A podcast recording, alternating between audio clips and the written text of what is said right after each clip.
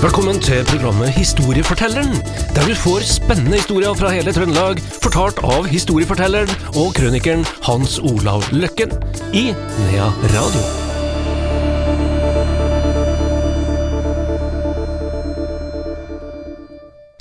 Velkommen til historiefortelleren her i Nea Radio. Historiefortelleren vår heter Hans Olav Løkken, og han sitter her ved min side. Velkommen, Hans Olav. Jo, takk, takk. Eh, Vi skal til Ytterøya i dag. Ja. Vi skal møte en fra Brustad-familien på Ytterøya da, og da er vi eh, Han er født i 1844 da, så det blir resten av 1800-tallet hvor han eksisterte. Faren han var en eh, han, han her het altså Henrik Brustad, da. Henrik Brustad. Faren var en kolossal grovbygd kar, og det som er litt pussig, er at mora var bare ei bitte lita svinkelkjerring, men eh, han her Henrik, da, sønnen, han vokste opp til å bli en kjempe. Kolossal kjempe.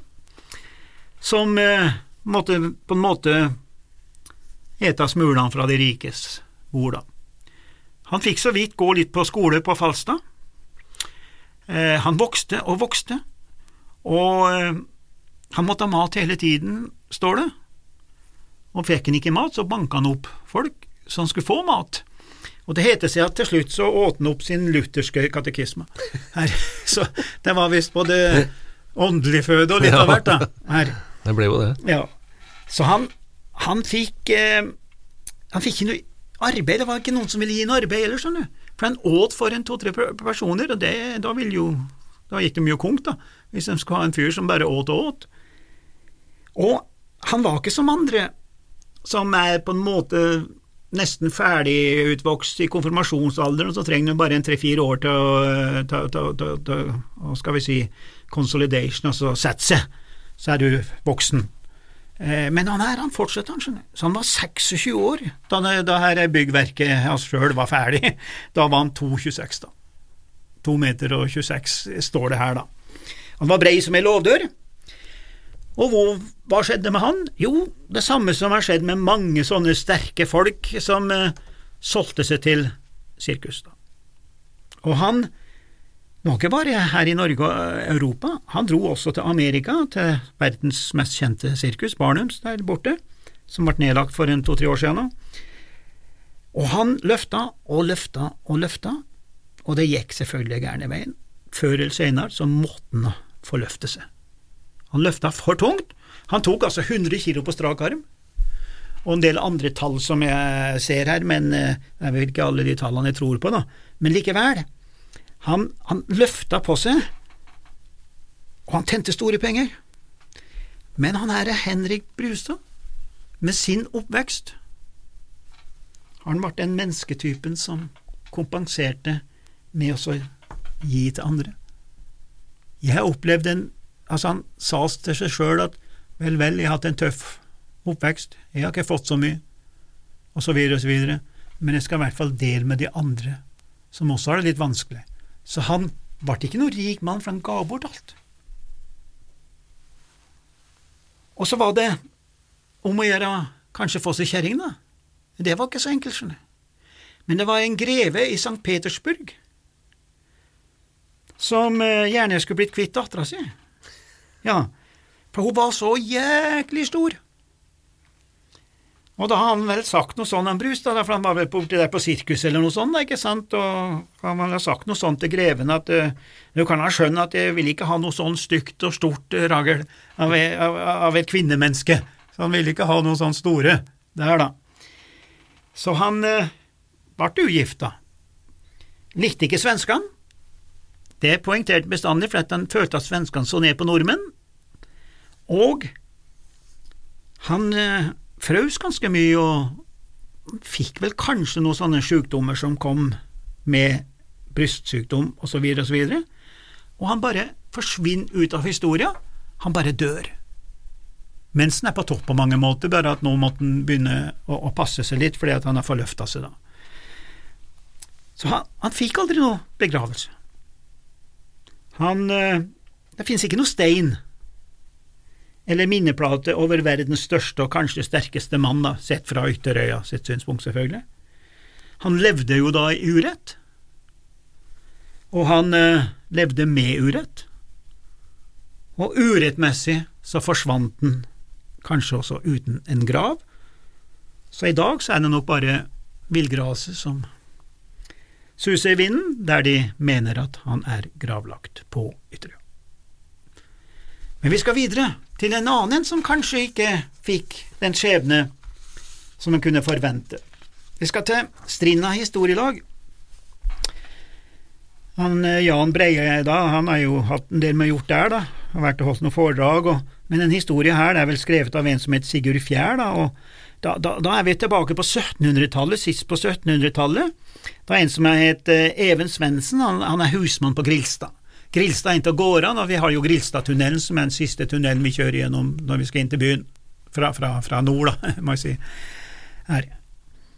Eh, der er det fem husmannsplasser, og de uh, ungene der begynte tidlig. Så heter det seg at de begynte helt ned i seksårsalderen som gjetere.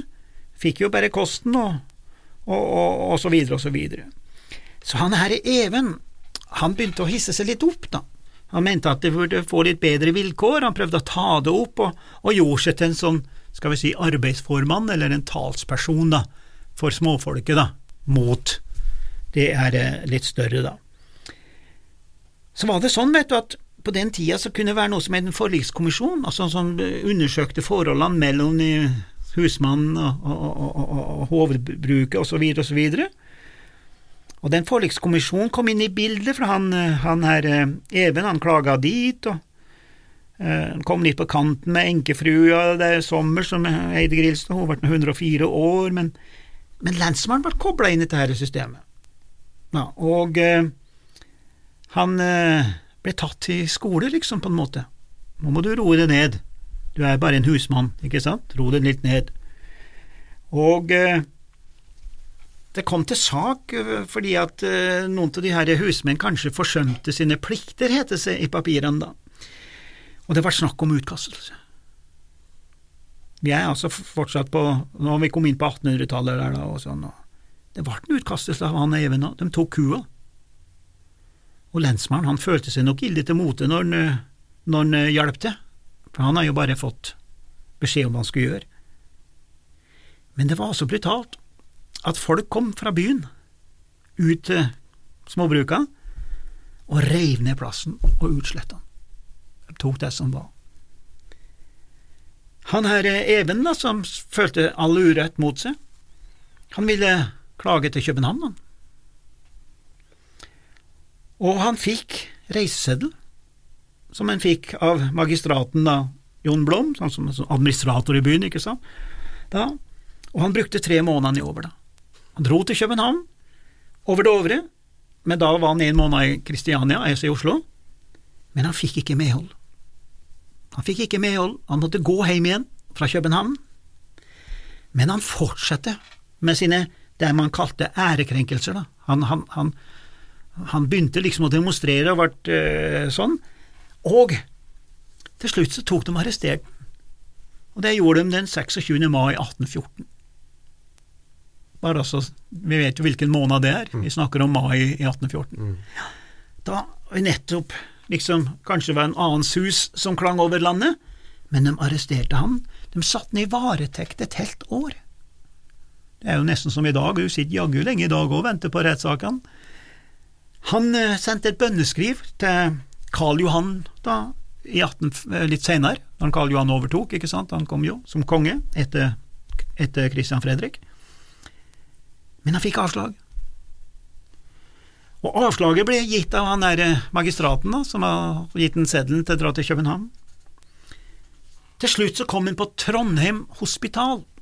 Og nå har vi kommet til 1822, altså årene går, og der var det noen plasser ledig for såkalte lemmer, som man kalte det, altså du har kanskje hørt om ordet hospitallem. Det var en som bodde på legg. liksom, nå er det fattig, vi, vi, vi, vet, ja, vi vet ikke hvor vi skal gjøre av den. Mm. Så han fikk bo på dette og ble såkalt fattiglem, eller hospitallem, i byen, da. Og de fikk ikke gå fritt i byen, skjønner du. De var på mange måter litt sånn fanger.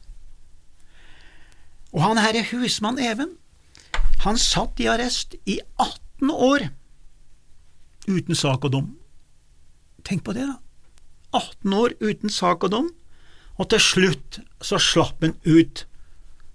Men det skyldes ene og alene hans egen tilstand. Døden befridde Even fra fangenskap den 30. januar i 1832. Etter ikke dom, men bare sona. Det er jo en helt umenneskelig sak. Det var en uh, trist historie. Stakkars Even. Uh, det var historia i dag. Takk til Hans Olav Løkken. Uh, en ny historie får du jo med i uke til samme tid. Husk også at du kan høre historiefortelleren her i Nea Radio som podkast, der du vanligvis hører podkast.